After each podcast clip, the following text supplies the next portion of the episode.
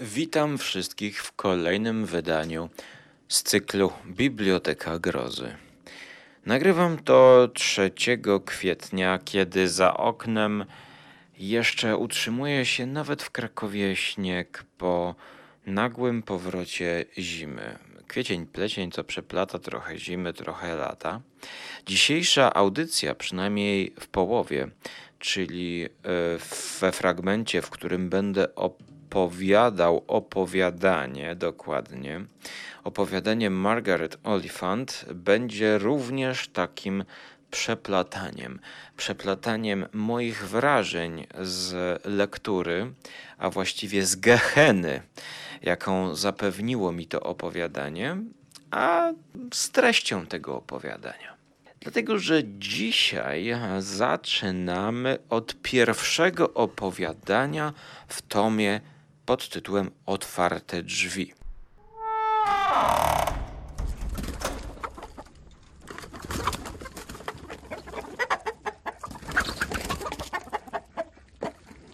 Przypomnę może, że jest to druga audycja z cyklu, w którym streszczam i recenzuję, opiniuję książki z wydawnictwa C i T. Dzisiaj mam w swojej dłoni Margaret Oliphant, właśnie Otwarte drzwi. Tomik, który wziął tytuł od jednego z opowiadań, właśnie e, Otwarte drzwi, który polski czytelnik już zna. The Open Door, bodajże to się gdzieś w jakiejś antologii ukazało, albo Okno biblioteki. Ja zacząłem czytać tę książkę od tyłu, czyli najpierw omówiłem portret, potem okno biblioteki i zgodnie z logiką, którą wyczułem, że taka logika będzie dobra, że, że to się sprawdzi, że tutaj wydawca ułożył to źle, to złamałem swoją logikę i na moją niekorzyść ponieważ gdybym cofał się od portretu poprzez okno biblioteki i teraz otworzyłbym otwarte drzwi biblioteki, właściwie bym wszedł do tej biblioteki, to otwarte drzwi, the open door, e, byłyby tym tekstem lepszym, tak, krótszym, 50 stron, w przeciwieństwie do starej Lady Mary. Mówię to jeszcze nie przeczytawszy otwartych drzwi ale nie wyobrażam sobie, aby którekolwiek opowiadanie z tego tomu było gorsze niż Old Lady Mary. To opowiadanie, które ma prawie 80 stron, podzielone na 15 rozdziałów. Sama Margaret Oliphant, urodzona 4 kwietnia, czyli jutro mm, będzie rocznica jej urodzin, 1828 zmarła w 1897 roku. To szkocka pisarka, która miała dosyć burzliwy życiorys. Co by nie powiedzieć, szóstka dzieci, dzieci, które umierały przed jej śmiercią, a więc była świadkiem swo śmierci swoich e, dzieci z czego bodajże trzy umarły jako, jako niemowlaki. Dodatkowo jej e, mąż e, zapadł na jakąś chorobę, co mm, spowodowało wyjazd e, z, z Londynu jej do Florencji.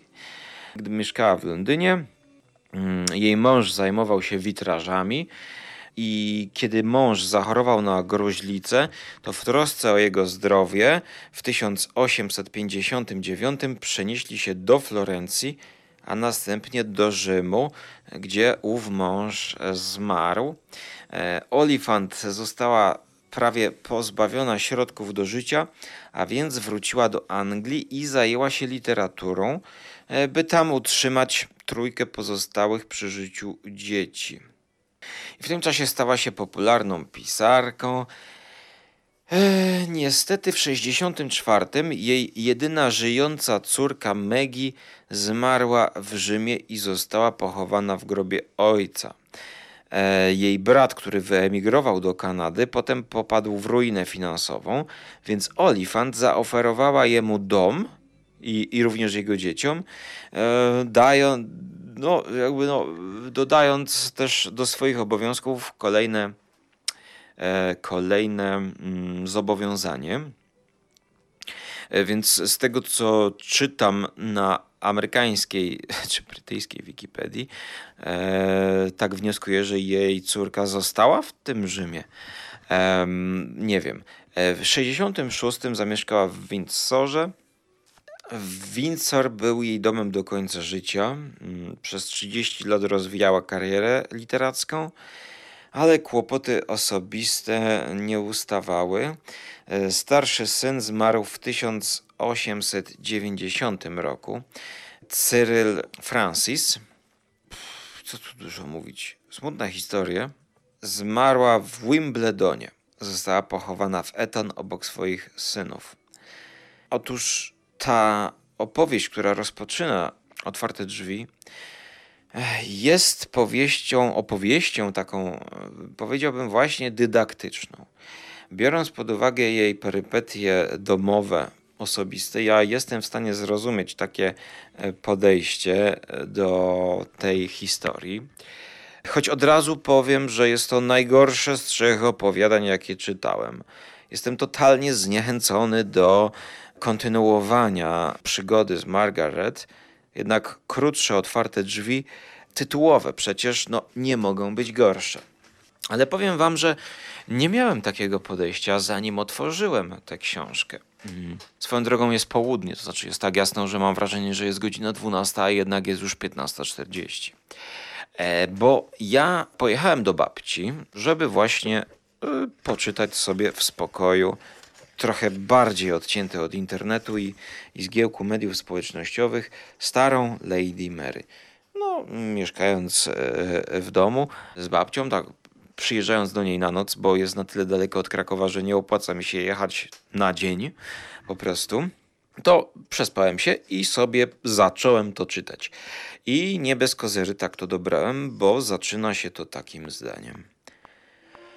Była już bardzo stara i właśnie dlatego uparcie odsuwała od siebie myśl o śmierci. Wiem, że to może brzmieć zaskakująco, Większość ludzi sądzi, że starość oswaja duszę z bliskością śmierci i przygotowuje ją na nieuchronne nadejście. Tymczasem w wielu wypadkach bywa wręcz przeciwnie. W młodości wciąż jesteśmy na tyle blisko niewidzialnego świata, z którego się wyłoniliśmy, że śmierć wydaje się nam raczej wzruszająca niż tragiczna. Myśl o niej wprawia w drżenie wszystkie serca a jednak młodzi bohaterowie wychodzą jej naprzeciw z uległością i męstwem. W wieku średnim, przytłoczeni brzemieniem życia, często odsuwamy pokusę, by pchnąć uchylone drzwi, za którymi ustaje wszelki ból i czeka spokój wieczny. Za to starość, kiedy dwie burzliwe fazy żywota mamy już za sobą, niejednokrotnie skłania do spojrzenia na nią z zupełnie innej strony. Troski i zmartwienia przeminęły. Nie targają nami gwałtowne uczucia. Przestajemy odczuwać ból złamanego niegdyś serca. Ustępuje znużenie ciała wy wywołane ciężką pracą. Wiedziemy miłe bytowanie, ciesząc się spokojem i wygodą. Przyzwyczajamy się do tego stanu, zaspokajającego nasze skromne potrzeby i dostarczającego wielu drobnych przyjemności, i z czasem zaczynamy myśleć, że przecież nie istnieje żaden racjonalny powód, aby ten stan miał się kiedykolwiek skończyć. Namiętność, radość, udręka te zawsze mają swój kres. Ale dlaczego miałoby również mieć kres spokojne bytowanie, rządzone prostymi zasadami i nawykami? Kiedy ludzka dusza na starość osiąga spokój i znajduje w nim upodobanie, nie chce umierać. Jest jej niezmiernie trudno zaakceptować konieczność śmierci i pogodzić się z myślą, że nieuchronnie czeka ją odejście a jeszcze trudniej jest jej powziąć postanowienie o rozstaniu się z tym światem.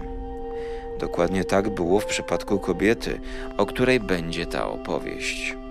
W swoim życiu doświadczyła niemal wszystkiego, z czym przychodzi zmierzyć się człowiekowi.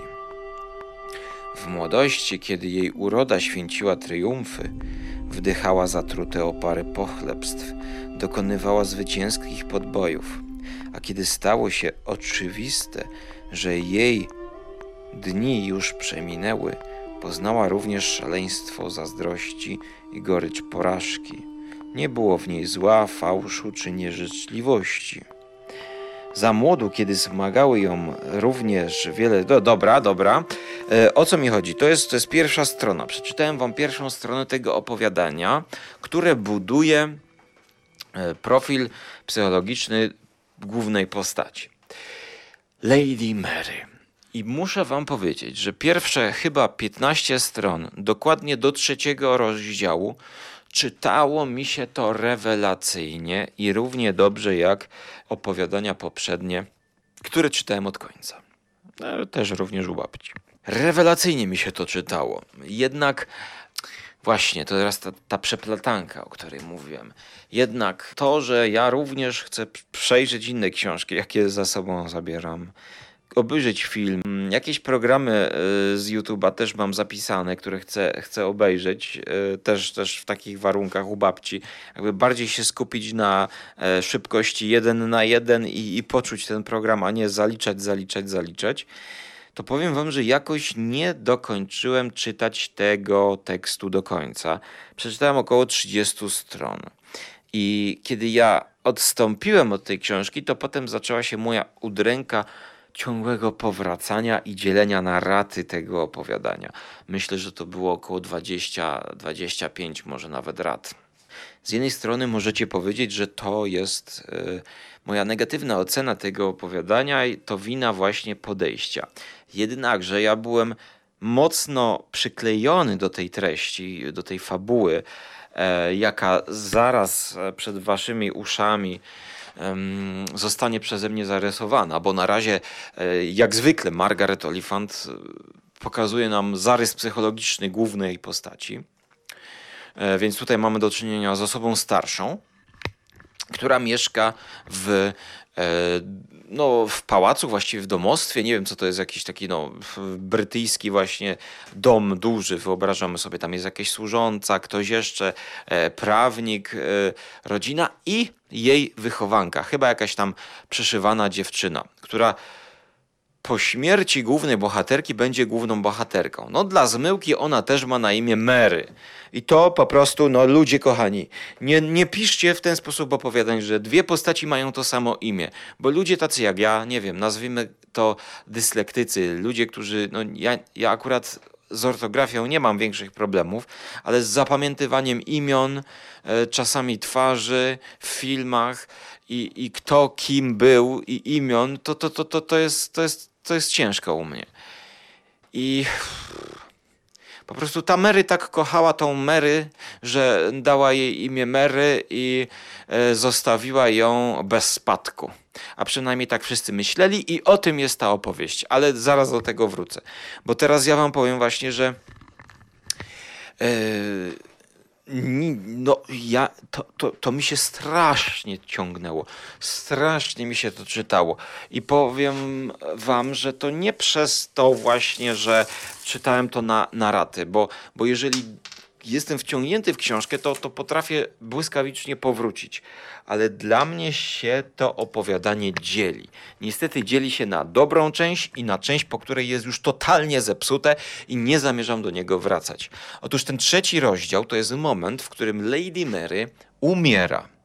Wcześniej mamy rozmowy z jej prawnikiem, tam jakiś ever, ma specjalistyczne określenie, ten człowiek, który zajmuje się takimi sprawami bardziej przyziemnymi, taką papierologią e, na dworze powiedzmy. I właśnie ten człowiek prosił Lady Mary, aby ona sporządziła testament. W razie czego? Bo ta córka Mary, ta jej taka przeszywana, już nie pamiętam, czy przeszywana, czy nie, no bo przecież czytałem to też przez około miesiąc czasu to ona e, nie ma tam bezpośredniej linii mm, pokrewieństwa, więc nie dostanie tego majątku. Nie dostanie właściwie nic. Ale jako, że tytułowa bohaterka Lady Mary jest już właśnie no, no starszą kobietą, e, choć pokazywaną w pozytywnym e, świetle, to ona z przekory, mm, która jest w mojej ocenie przekorą, nie przekorą, ona potajemnie robi ten testament. I trochę tutaj jest już złe postawienie sprawy przez Margaret Oliphant. Dlatego, że z jednej strony ja całkowicie staję po stronie bohaterki głównej starej Lady Mary, która chce sama zrobić ten testament, bo rzeczywiście, zgodnie z tym, że jeżeli ona napisze ten testament, to wystarczy. Ona nie chce płacić temu adwokatowi, żeby siedli razem i napisali testament. Więc ona na przekór jemu, mm, żeby trochę zaoszczędzić być może, pisze sama testament i wkłada go do szufladki w jakiejś tam weneckiej szafce, do weneckiej szafki i nie mówi nikomu o tym testamencie. Więc testament jest, ale ta bohaterka sobie myśli, że no następnego dnia, jak ten adwokat znowu będzie jej głowę zawracał tym, żeby siąść, to ona będzie jakby udawała taką, taką właśnie starą, taką dobrze, dobrze, dobrze, ale ona już będzie miała plan wykonany, prawda? I ta Mary, młodsza Mary, mała, e, jej ukochana Mary, którą się zaopiekowała, która jest młodsza, ochrześnica może to była, już nie pamiętam, to ona będzie miała zapewniony byt, gdyż ona przepisze jej właśnie owodomostwo i jakoś tam to majątek również i, i wszyscy ta służba będzie wtedy podlegać Mary i ta Mary będzie sobie na Włościach rządzić, żyła sobie e, dostatkiem i będzie sobie e, nadal jakby w tym stanie majątkowym e, żyła. Jako, że to było dobre dziecko, to według niej ta Lady Mary tak przepisuje, bo zasłużyła i tak. No i tutaj wszystko jest jakby ciekawe w tym opowiadaniu, ponieważ cały czas poznajemy tę główną bohaterkę. Ona jest w centrum naszej uwagi. Ta bohaterka jest taką starszą panią, która z jednej strony ma swoje jakieś takie, e, jak to się mówi, takie w nosie, nie muchy w nosie, tylko takie swoje, ach, zapomniałem tego słowa. A jest dobroduszna również, prawda? Lubimy ją, lubimy ją. No ale jak to pisze w trzecim rozdziale, przewiało ją. No właśnie, powiem wam, że ostatnio też mnie w ciągu tygodnia dwukrotnie przewiało. Może w ciągu dwóch tygodni mnie przewiało. Zaraz wam powiem e, dygresyjnie, co to znaczy, że cię przewiało, e, bo właśnie te przeciągi, tutaj wszyscy mówili, że to były przeciągi, jak pisze Margaret Oliphant. No i w wyniku tego przeciągu gdzie ona wysiadała z karety czy z karoty, Stangret nie, pod, nie za, za późno otworzył drzwi, albo drzwi nie zamknął, ją przewiało i ona podupada właśnie w przeziębienie, leży i umiera, słuchajcie, po 15-20 stronach. I jak pisze autorka, dobrze by było dla Margaret Oliphant, gdyby po napisaniu tego testamentu ona nie umarła albo się skończyła ta historia. Nie pamiętam, nie chcę mi się szukać tego cytatu, ale właśnie, że ten moment, w którym ona wkłada ten testament do weneckiej półki, szuflady, to, to był ten moment, w którym nie wiem, coś tam się powinno wydarzyć. No, po tym momencie, jak ona umarła, to moim zdaniem opowiadanie powinno się skończyć, bo tu się zaczęła moja gehena.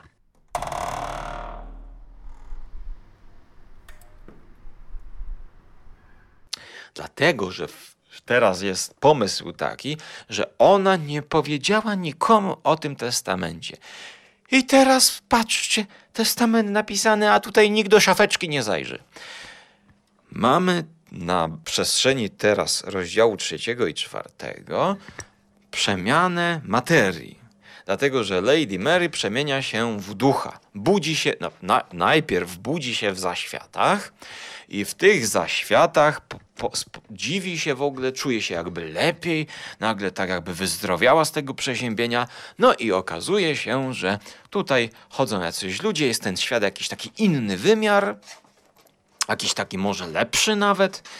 Tutaj specjalnego wartościowania nie ma, ale poznaje ona ludzi, którzy tam mieszkają, czy inne byty, które mieszkają w, tym, w tych zaświatach. I oni tłumaczą jej zasady działania tych zaświatów,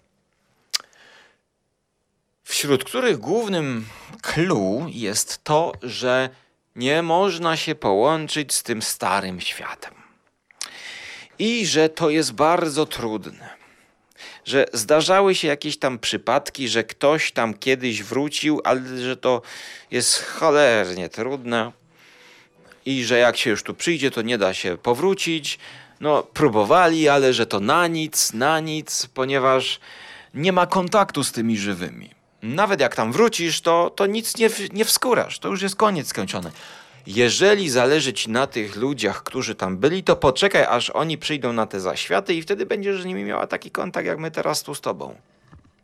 A ona właśnie prosi o pomoc tych ludzi, żeby ją cofnęli do tego świata, bo ona zapomniała o błahostce, o zwykłym przeoczeniu. I jak na podstawie takiej właśnie błahostki może to cierpienie w jakiś sposób wpływać no na nią chyba jak widzimy na tych zaświatach, bo jednak ją to drażni, tak? Ten, ten nowy byt, którym ona jest w zaświatach, jest jakby rozdraz, rozdrażniony przez tę sytuację na ziemi, kuli ziemskiej, tę sytuację, w której ona zapomniała powiedzieć, że testament jest. No a skoro zapomniała powiedzieć, to, to teraz e, będzie taka sytuacja, że ta młoda chrześnica, ta młoda Mary e, nie dostanie nic.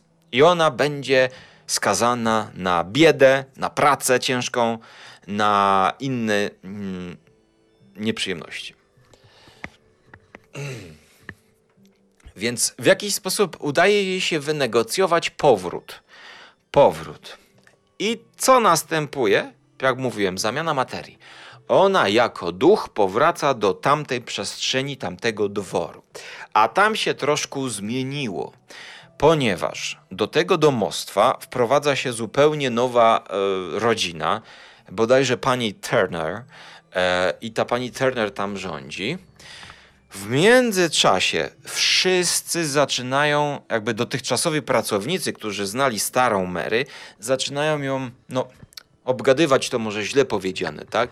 Ale mają opinię o jej opieszałości właściwie, albo o tym, że no tak, za życia ona tak bardzo dobrze wypowiadała się o młodej Mary, yy, a nie zostawiła jej nic w spadku.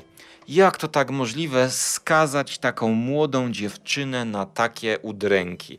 Przecież teraz ona będzie musiała e, pracować i nie ma właściwie żadnego kapitału, tak?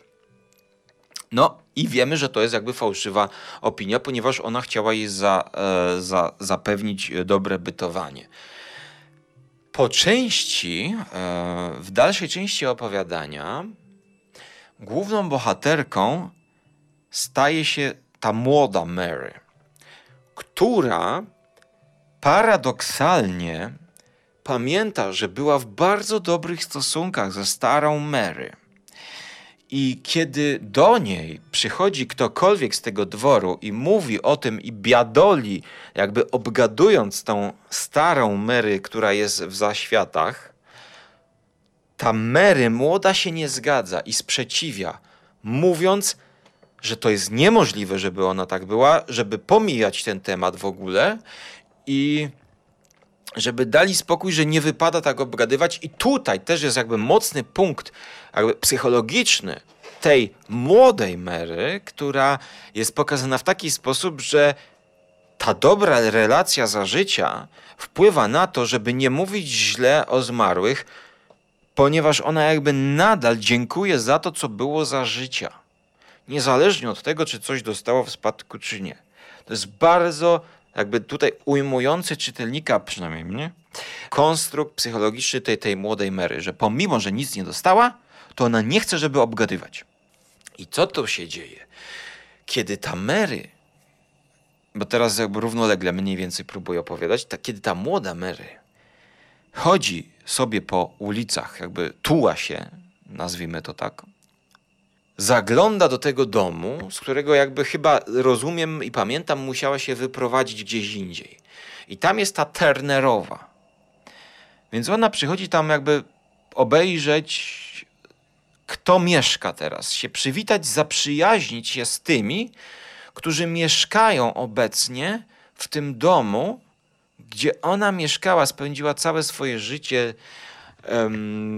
młodzieńcze, dorastała, etc. I wyobraźcie sobie, że ono tam puka i poznaje tą panią Turner, bo ona chce się z nimi zżyć, żeby przez to trochę pozbyć się cierpienia, utraty tego domu rodzinnego, w którym się wychowywała. I to też jest kolejny psychologiczny aspekt, który ja mówię tak. Któremu ja mówię tak. Albowiem doskonale rozumiem taką pozycję, gdyż sam, e, taką postawę, gdyż sam miałem ostatnio takie właśnie myśli, aby zakolegować się i zaprzyjaźnić się z tymi ludźmi, którzy kupili dom moich rodziców. W wyniku finansowych problemów moi rodzice musieli sprzedawać. I ja wiem, kto teraz tam mieszka, ja wiem, gdzie jest ten dom. Jakby przeprowadzka w, przez pandemię cały czas trwa. Moi rodzice mieszkają u, u, u koleżanki jakiejś, ponieważ, ponieważ deweloper podczas pandemii miał problemy. I ja tęskniąc, tęskniąc za tym domem, który, który patronom audycji skóry obiecałem, że pokaże żółtą piwnicę. I, I to będzie, tylko ja widzicie, ja nie, nie jestem w stanie siąść do montażu tego, ponieważ e, no, ten montaż tej piwnicy yy, i tej audycji obiecanej w wersji wideo, która dla patronów no prędzej czy później się pojawi, mam nadzieję, bo to zmontuję to e, powoduje właśnie wspominki o tym, o tym domu, o tym, o tym domu, gdzie się spędziło dużo czasu. I tak jak ta główna bohaterka, doskonale ją rozumiem, że ona przychodzi i chce się w jakiś sposób spiknąć z tą panią Turner, a pani Turner ją poznaje i przyjmuje, wyobraźcie sobie, jakby y, też z pewną otwartością serca, gdyż pani Turner ma tam jakieś dzieci, więc proponuje młodej Mary, właśnie, żeby ta młoda Mary została, proszę Państwa, guwernantką, opiekunką tychże dzieci. I tam jest bodajże, jeśli nie pomieszałem imion, Connie, mała Connie. Mała Connie, którą ona się będzie opiekować i nawet będzie mogła zamieszkać w tym domu. Nawet, co więcej, będzie mogła zamieszkać w tym pokoju, w którym mieszkała, kiedy jeszcze stara Mary żyła. Nie, naprawdę nie wiem, dlaczego, dlaczego dała jej na imię Mary. Dlaczego nie dała jej na imię, nie wiem, Kunegunda, żeby to łatwiej się czytało. I teraz. E, dygresja minimalna. E, ja chciałem właśnie zakumplować się, bo teraz tak, ci, którzy się wprowadzili do tego mojego domu rodzinnego, nazwijmy to, to jest babka facet z Francuzem e, i, i, i też dzieci, nie? Ja już się zastanawiałem, a może ona by chciała, żeby jakieś wideo tam kręcić? nie. Ja by, jeszcze bym biznes na tym zrobił, żeby, żeby wideo na przykład, bo, bo ta babka lubi gotować podobno, nie? To by był dobry pomysł, nie? No ale właśnie. E, może jeszcze ten czas przyjdzie, kiedy się, jakby, bo, bo moi rodzice z tym kupcem się poznali, tak? No ale z tego co ja widziałem, to, to zaś rodzice jakoś tak niespecjalnie e, chyba chcieliby tam wracać. No dla mnie na przykład, gdybym miał możliwość odwiedzić ten dom, gdzie tam spędziłem, no wpaść do tych ludzi, którzy tam zamieszkali, na kawkę, y, napić się, posiedzieć w tych samych mieszkaniach, to dla mnie by to było psychiczne do zniesienia lepiej, ponieważ nie odczuwałbym straty tego miejsca w taki sposób, że teraz jest, jest jakby, no powiedzmy to, brama, płot, nie przejdę, no nie mam tam dojścia. No a przecież wejść, powspominać, posiedzieć, napić się herbatki. Właśnie sobie tutaj parzę e, wodę na herbatkę, to jest moi, dla mojej psychiki dobre rozwiązanie. I takie samo właśnie rozwiązanie przyjęła Lady Mary młoda. Ale co się dzieje dalej? Ha. Wiecie, że ta stara Mary z zaświatów dogadała się jakoś tam, nie wiem z kim, żeby przyjść. I mamy tutaj w tej opowieści sceny, w której ona jakby chodzi jako duch po tym domu swoim, gdzie mieszkała. Troszkę z perspektywy starej Mary, ale głównie z perspektywy dziecka, tej Koni, widzimy ją. Dlatego, że to mi się bardzo nie, nie podoba w tej historii. Tutaj nie do końca są jasne zasady tego, komu ukazują się te duchy i jak te duchy działają, kiedy widzą.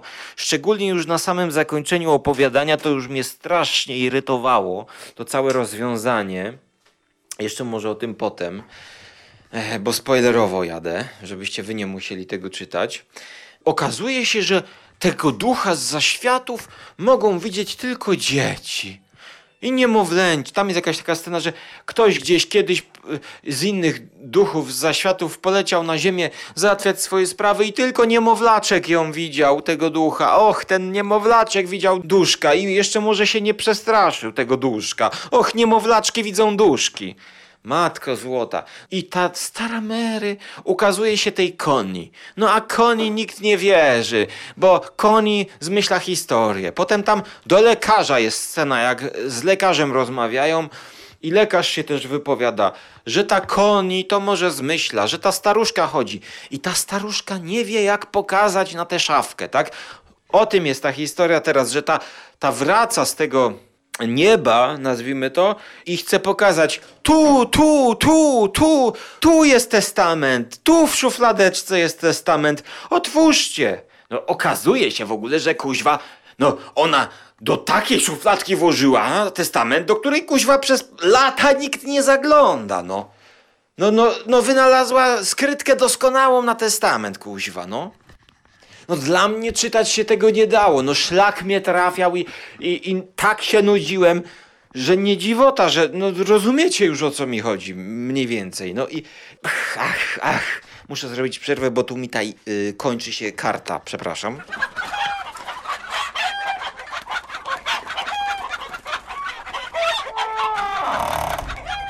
I wracając. Następuje sytuacja, w której ta młoda Mary zaczyna się źle czuć i też zachorowuje.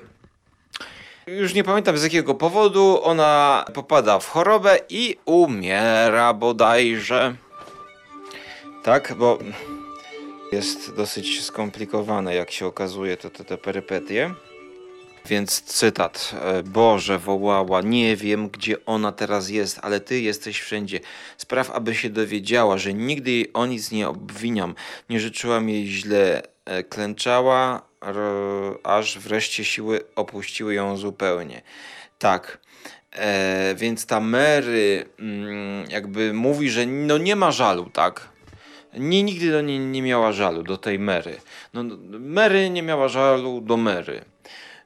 I klęczała tak długą chwilę, rozpłomienionym wzrokiem i twarzą białą niczym marmur, aż wreszcie opuściły ją siły zupełnie. No i ona pada, umiera, a teraz ta mała koni, a ona przez cały czas tam stała. Mówiła koni z płaczem, kiedy Mary wyniesiono z pokoju. Stała z ręką na tym biureczku i patrzyła, patrzyła. Och, jakby chciała coś powiedzieć, ale nie mogła. Dlaczego nie mogła, mamo? Pastorze Boyer, dlaczego nie mogła nic powiedzieć, skoro tak bardzo tego pragnęła? Dlaczego Bóg jej nie pozwolił jej mówić? Mary długo chorowała, balansując na granicy życia i śmierci. W malignie wciąż powtarzała, że ktoś się jej przygląda. No więc widzicie, w tym świecie tak, dzieci widzą duchy, bo ta koni widziała, że jak ta Mary umierała, to ta stara Mary nad młodą Mary stała. I ta młoda Mary, jak chorowała, to była na granicy życia i śmierci, i wtedy tak jakby widziała, że ktoś nad nią stoi, więc widziała tę starą Mary. Ledwo jednak poczuła się lepiej, przestała mówić, że widzi nad sobą czyjąś twarz. A może to złudzenie wywołane gorączką. Później zabrano ją z domu Turnerów i wiele dni minęło, zanim doszła do sił. Tymczasem pani Turner zarządziła przegląd wszystkich ciągów kominowych, twierdząc, że coś musi być nie w początku. Nie w porządku. Potem pojawił się Earl, pragnąc obejrzeć tę posiadłość. Earl, właśnie, to jest ten adwokat Earl. To jest e, spisane z małej litery, więc to jest jakby Earl, człowiek zajmujący się e, pra prawniczymi e, względami. I wiecie, tam ta koni coś gada o jakiejś staruszce, o jakichś duchach, a ta pani Turner, weźcie, to jest przeciągi, przeczyście w kominowe te tunele. To jest tego typu klimat historii. Porozdawia...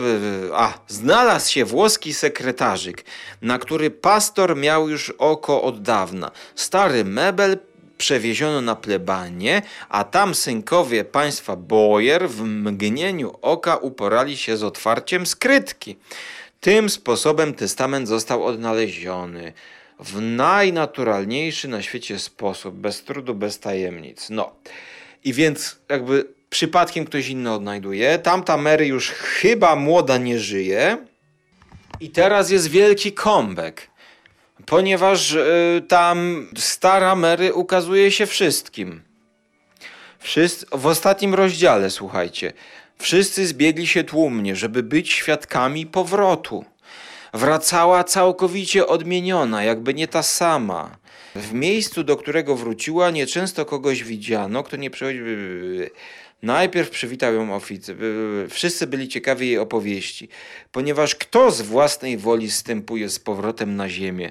Może powrócić tylko wtedy, kiedy wypełni zadanie, którego się podjął, albo kiedy sędzia, sędzia z dłużej, na wysokościach uzna, że nic więcej nie był w stanie uczynić. Tak więc wszyscy pytali teraz: Naprawiłaś wyrządzone zło? Udało ci się spełnić to, co zamierzałaś? A stara Mary odpowiada Lady tak, jak dobrze być z powrotem w domu, wyciągając przed siebie ręce. Błogosławiony dom. Na ziemi zaznałam tyle smutku i cierpienia, że serce mi z bólu pękało. Czasami wydawało mi się, że zaraz umrę. Ależ to byłoby niemożliwe, zauważył mężczyzna, który ją kochał. Gdyby to było niemożliwe, pewnie bym umarła. Stałam teraz obok tych, którzy darzyli mnie miłością. Byłam poza nawiasem życia, bym zostałaś ostrzeżona. Zostałaś ostrzeżona, że to doświadczenie jest bardziej gorzkie niż śmierć. A co to jest śmierć? Nikt nie miał też odwagi pytać ponownie, czy udało jej się dokonać tego, po co wracała na ziemię. Pod wpływem gorącego przyjęcia lód w jej sercu rozpuszczał się powoli. Widziały mnie dzieci, nie bały się wcale, wyciągały do mnie rączki, drogie, niewinne stworzenia Boże. Uroniła kilka łez, które po lodowatych łzach przelewanych na ziemi wydały się słodkie i gorące. Ktoś jeszcze zapytał, ale wypełniłaś zadanie, które pragnęłaś wypełnić? Zostało mi wybaczone, powiedziała głosem przepełnionym szczęściem. Ta, wobec której zawiniłam, nie przestała mnie kochać i błogosławić. Widziałyśmy się twarzą w twarz. O niczym więcej nie wiem. Niczego więcej nie ma. Odpowiedzieli jej zgodnie, bo przecież wszystko sprowadza się do przebaczenia i miłości. Koniec. I teraz ten ostatni rozdział jest napisany tak, że początkowo to ona się wydaje, że się objawiła tym ludziom na ziemi, a tutaj się może objawiła tym ludziom znowu do, w zaświatach. Więc może ona znowu wraca do zaświatów. Ale szczerze mówiąc, ja nie wiem, czy w końcu umarła tam ta młoda Mary i to, że e, odnaleźli ten sekretarzyk, to, to, że wróci do niej, jakby nie jest skończony ten wątek tej Mary, albo ja coś ominąłem. Już tyle razy to czytałem, że mi się nie chce tego czytać kolejny raz, żeby takie detale zrozumieć, bo to jest to wszystko, to 80 stron, wyobraźcie sobie.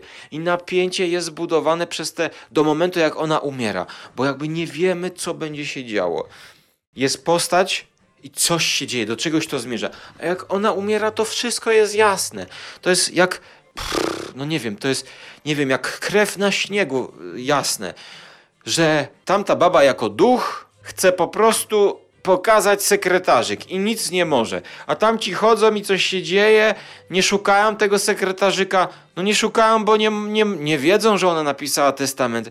Nie zostawiła żadnych wskazówek, nie ma żadnego śledztwa, tam się coś toczy, tu w zaświatach się toczy coś innego. To się w ogóle ze sobą nie łączy. Ja pierniczę, jakie to jest nudne opowiadanie. Kiedyś na privie Jerry sobie żartował, że no jasne, jasne, tam z przymrużeniem oka, że e, ja to każde przepruszone e, pyłem opowiadanie grozy, starej grozy, no to zawsze raczej będę na plus, na plus chwalił.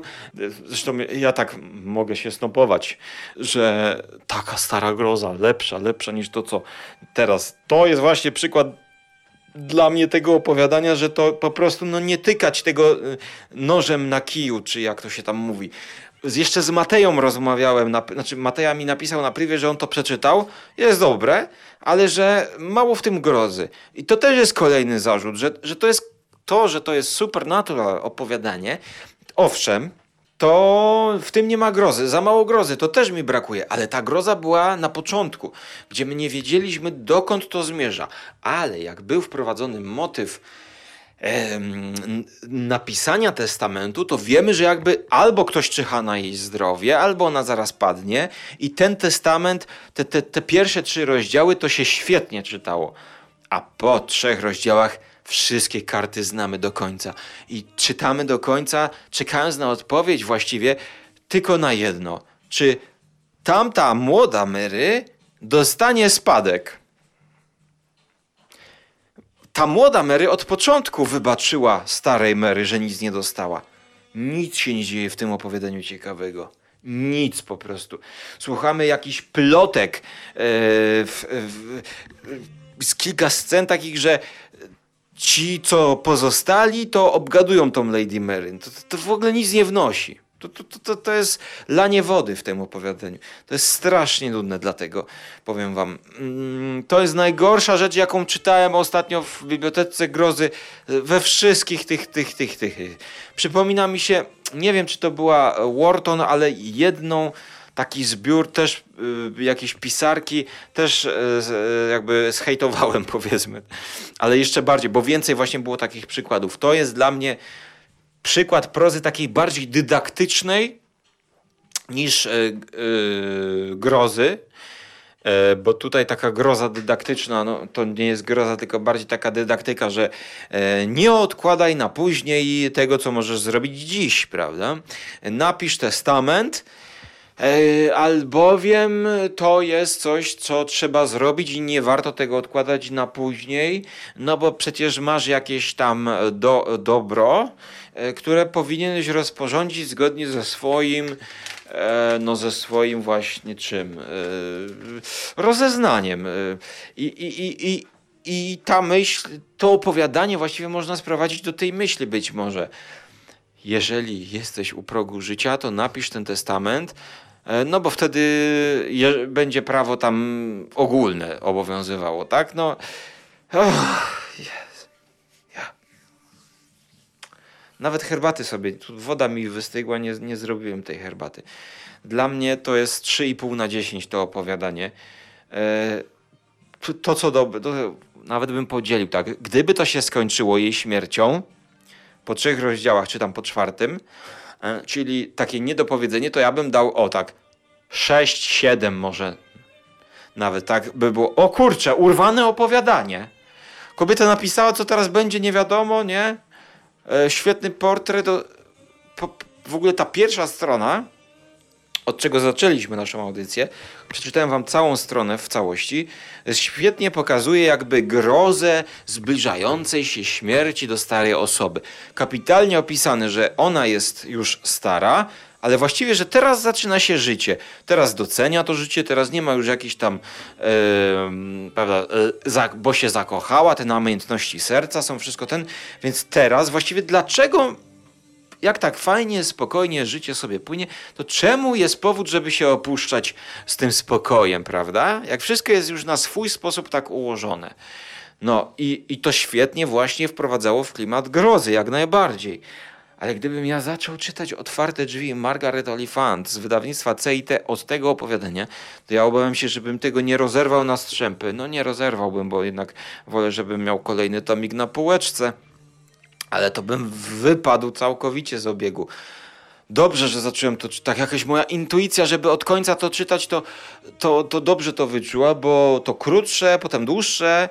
Ja bym to opowiadanie dał na koniec i ułożył tak jak. I, i popełniłem błąd, że nie czytałem nadal od końca. Bo otwarte drzwi powinienem teraz zacząć. Teraz mi się nie chce do tych otwartych drzwi. A już tyle się nagadałem o tym tekście, że spokojnie można to puścić jako y, drugą część opowieści o Margaret Oliphant. Y, i, I chyba tak zrobię, bo nie mam pewności kiedy ja zmuszę się, żeby te otwarte drzwi zamknąć, może tak powiem wreszcie. Chciałbym zamknąć te tytułowe otwarte drzwi, które prowadzą do tekstów Margaret Oliphant i zabrać się za kolejny tomik. E, jakiś taki krótszy. No powiem wam, że nie lubię takich dłuższych tekstów w tej serii. Wolę takie do 30-35 maksymalnie stron, żeby to było takie mm, coś jak u Bensona, prawda? No a też, czy to jest bardziej wymagające? Też nie przyjąłbym argumentu, że no jestem niedorosły, niedojrzały, bo to jest bardziej wymagające. To nie jest bardziej wymagające. To jest bardziej nudne po prostu i ja już muszę skończyć na dzisiaj. Za oknem zaczęły padać grube płatki śniegu znowu i pozdrawiam was. Radzę zacząć czytać ten tomik od końca. Ale o tym mówiłem już w poprzedniej audycji. Tyle na dzisiaj ode mnie. Do usłyszenia w trzeciej części Biblioteki Grozy CIT, w której omówię jedno ostatnie opowiadanie pod tytułem Otwarte drzwi. Rozwodniam się, czy rozwadniam się e, totalnie e, z, z tym tomem, no ale w sumie to jest długi tekst, 80 stron. Streściłem go wam e, mocno. Dużo wątków, znaczy nie pobocznych, ale jakby dwie linie, tak? Dwie mer. A matko, dwie mery. Dobra, dwie mery i chyba e, czerwona mery e, wypadałoby zapić tą czerwoną krwistą mery zapić wypadałoby to opowiadanie. Więc to już pozostawiam w waszej gestii. Trzymajcie się ciepło i do usłyszenia w przyszłości, bądź do zobaczenia na YouTubie na Żarłok TV. Cześć!